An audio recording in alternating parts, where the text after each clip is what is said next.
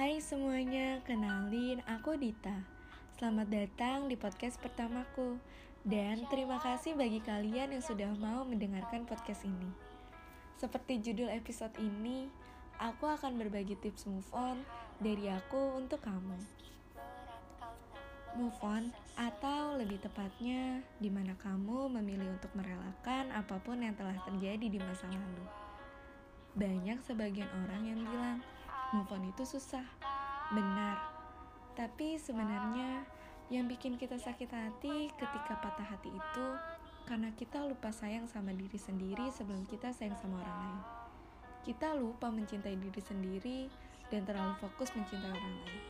Ketika kita kecewa, jadi sesakit itu. Orang-orang gak bakalan tahu sesakit apa, seberjuang apa kamu menahannya.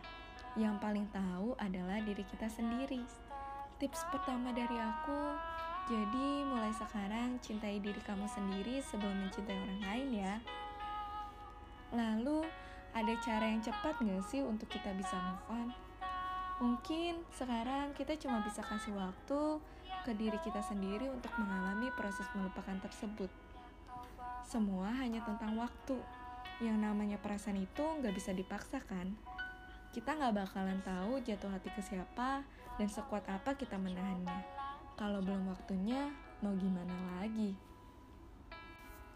Nah, sekarang kasih aja waktu untuk diri kamu berpikir apakah memang harus melupakan sekarang atau malah nanti.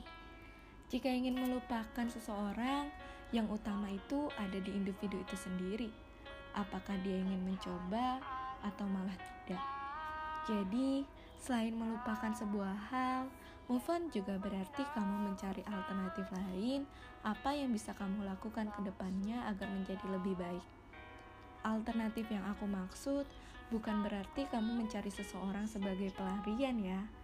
Bisa juga kegiatan, benda, atau apa pun yang membuat perasaan kita menjadi lebih bahagia. Ada kata-kata seperti ini. Ketika orang lagi mendengarkan lagu, kalau orang itu sedih, pasti baca liriknya. Kalau orang itu happy, pasti dengar nadanya. Ini nggak tahu sih benar atau enggak. Nah, di situ terlihat juga kan sebenarnya musik dapat menjadi alternatif lain. Jadi, ini tips kedua. Sekian dulu ya episode kali ini. Buat kamu, sudah ya, jangan sedih lagi.